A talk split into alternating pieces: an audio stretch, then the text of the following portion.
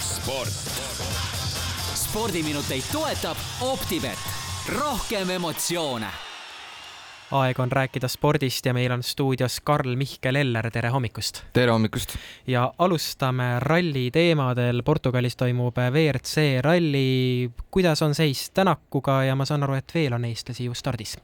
ja no eks kõigi meie suurimate fännide pilgud on ikka Ott Tänakule ja Martin Järveojale pööratud ja eile toimus siis traditsiooniline testikatse, mis ikka iga ralli eel toimub, selline lühikene kolm kilomeetrit ja äh, Tänak näitas seal küll kolmandat aega, mis iseenesest on nagu hea, aga nagu olen ka varasemalt välja toonud, siis eh, kõige olulisem on vaadata nendel testikatsetel ehk seda esimese läbimise aega ja seal oli Tänak isegi kõige nobedam. nii et selles mõttes on lootused suured, aga Portugali ralli on nüüd siis esimene pikast kruusarallide maratonist, mis hooaeg eh, endas kätkeb ja seal tuleb kindlasti tähelepanek olla, et autorehvid püsiksid terved ehk et kiirust võib sul küll olla, aga kui sul rehv katki läheb, mida Tänakul on Portugalis juhtunud, on ka paljudel teistel, siis eh, tuleb see ajakaotus suur ja kiire ja siis on poodiummäng suure tõenäosusega mängitud. no Tänakule peaks ju kruusatee sobima väga hästi ja no kindlasti sobibki, küsimus on nüüd see, et kas noh, Fordile peaks ka sobima, aga kas see Ford vastu peab, sellepärast et viimaste, no ütleme, tervet see hooaeg peaaegu, et on näidanud, et, et see Ford on kippunud lagunema võib-olla just nendel hetkedel, kui seda ei tahaks. aga meil on veel eestlasi rajal, nagu siin juba sissejuhatusest läbi ka käis ja ka seal Fordiga Robert Virves, kellel on ehk võib-olla sellise trumpässana taskus kaardilugeja, portugallane Hugo Magalhaes, kes on kohalik legend ja peaks sealseid olusid ja neid katseid põhimõtteliselt peast teadma, et võib-olla vihikut ei lähegi vaja, et loeb, loeb peast ette, kuhu poole ja, ja mis nurga all kurv tuleb. ja Robert Virves näitas, sõidab siis WRC kaks arvestuses ehk et mitte siis nii-öelda Tänaku kubatuuriga WRC autoga, vaid selle natuke nõrgemaga, aga siiski tugeva rallimasinaga. tema oli testikatsel ka kolmas oma arvestuses ehk et see on väga hea märk ja meil on veel rajal samas WRC kahes siis Georg Linnamäe koos British kaardiga James Morganiga ja üle pika aja tuleb ka MM karussellis rajale Gregor Eets koos Timo Danieliga ja veel üks Rally4 auto on ka esisilavjooline, seal meil on nooruka Ralf Joosep Nõgene koos ka ikkagi kogenud kaardilugeja Alex Leskiga ja siin tekib loomulikult küsimus kruusatee peal, kes kellel raja puhtaks sõidab. jah, see on õigustatud küsimus ja Tänak läheb meil rajale täna kolmandana, mis ei ole kõige parem stardipositsioon, aga kindlasti parem kui kahel esimesel, kelleks on Toyota sõitja Delfi Revants ja Kalle Rovampera, nii et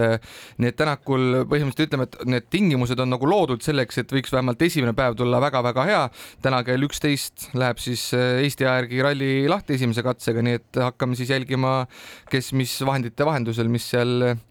Euroopa kaugemas nurgas toimuma hakkab aga korvpallist ka, et üks Eesti meistrivõistluse finalist on selgunud ja täna võib selguda teine, mis siis tulema hakkab? Nojah, et Kalev Cramo on nüüd siis pärast aastast pausi koha finaalis kindlustanud, tegi siin Viimsis Portlandile nädala sees ikkagi pani oma paremuse maksma.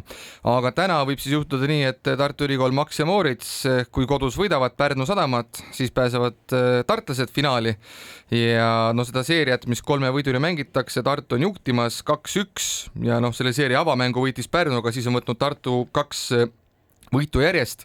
ja Optibeti koefitsiendid täna on sellised, et Tartul üks koma neli ja Pärnule kaks koma kuuskümmend viis. no salamisi tahaks muidugi, et Pärnu võtaks siit ehk selle võidu ja me läheksime seda otsustavat mängu ehk siis mängu mõisa peale, aga eks ole juba näha, et praegu tundub küll millegipärast, et Tartu ikkagi on natuke rohkem otsustavust siin hooaja lõpus näidanud kui Pärnu Nonii, aga meil on küll suur kevad käes, aga jäähokit mängitakse jätkuvalt jäähoki mm, mängud Riias Tamperes. jah, et nüüd on siis see nii-öelda päris mm, et siin mõni nädal tagasi Eestis mängiti ka MM-i, see oli siis seal kohtadele teise kümne lõpus nii-öelda maailma paremik, aga nüüd mängitakse siis nende õigete medalite peale ja mängitakse jah, siin lähinaabruses, eelmine aasta võõrustas Soome, kaks aastat tagasi Riia ja nüüd võõrustatakse siis koos ehk Riias ja Tamperes.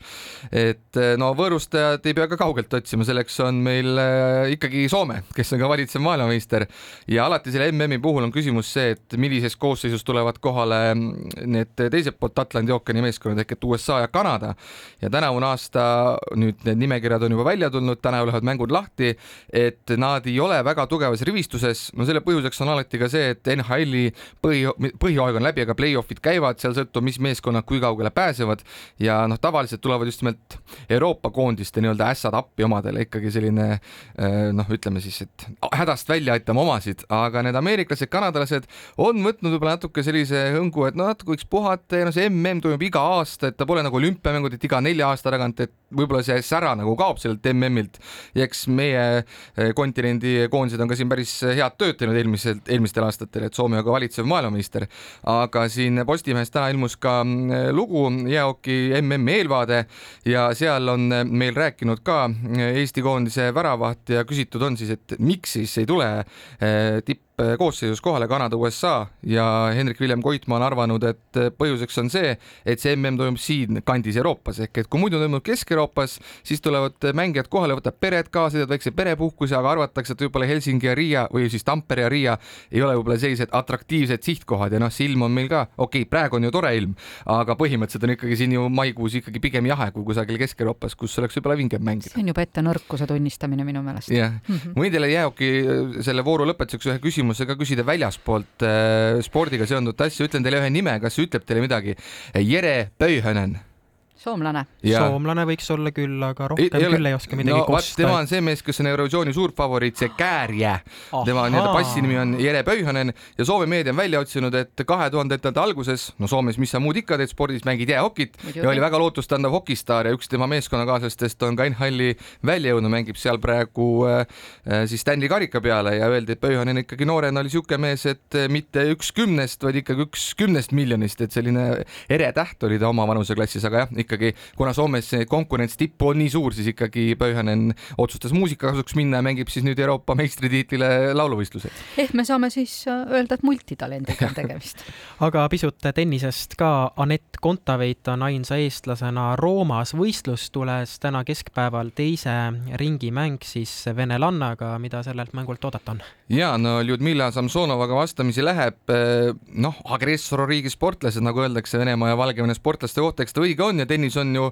üks neist vähestest, kes algusest saadik kohe nii-öelda lubas venelane, venelastel ja valgevenelastel tippmängudel jätkata ja Kontaveit viimati mängis ehm, siin mõne agressorriigi sportlasega suvel, aga seekord Samsonov on ikkagi ka selline maailma esikahekümne mängija ehk et ega lihtne Anetil olema ei saa, aga samas esimesest ringist eh, tulest ja veest meie nüüd uuesti esireketiks, e-, Eesti esireketiks tõusev Anett läbi tuli ja Optibeti koefitsiendid tänaseks mänguks Kontaveit ja Samsonova on eestlannale kaks koma kaheksakümmend viis ja venelannale siis üks koma nelikümmend kaks jalgpallist jõuame ka rääkida Eesti Premium-liiga. ja no Premium-liigast nüüd äh, siin Kuku hommikus ei ole väga palju viimasel ajal rääkinud, aga see läks eelmise nädala lõpus tegelikult päris, päris põnevaks, sest et toimus ajalooline saavutus, kus tabeli punane latern võitis tabeli esimest, seda pole enne Eesti meistriliigas kunagi juhtunud. Ja seni võiduta olnud Harju Laagri, kes on meistriliiga uustulnuk, võitis siis Levadiat.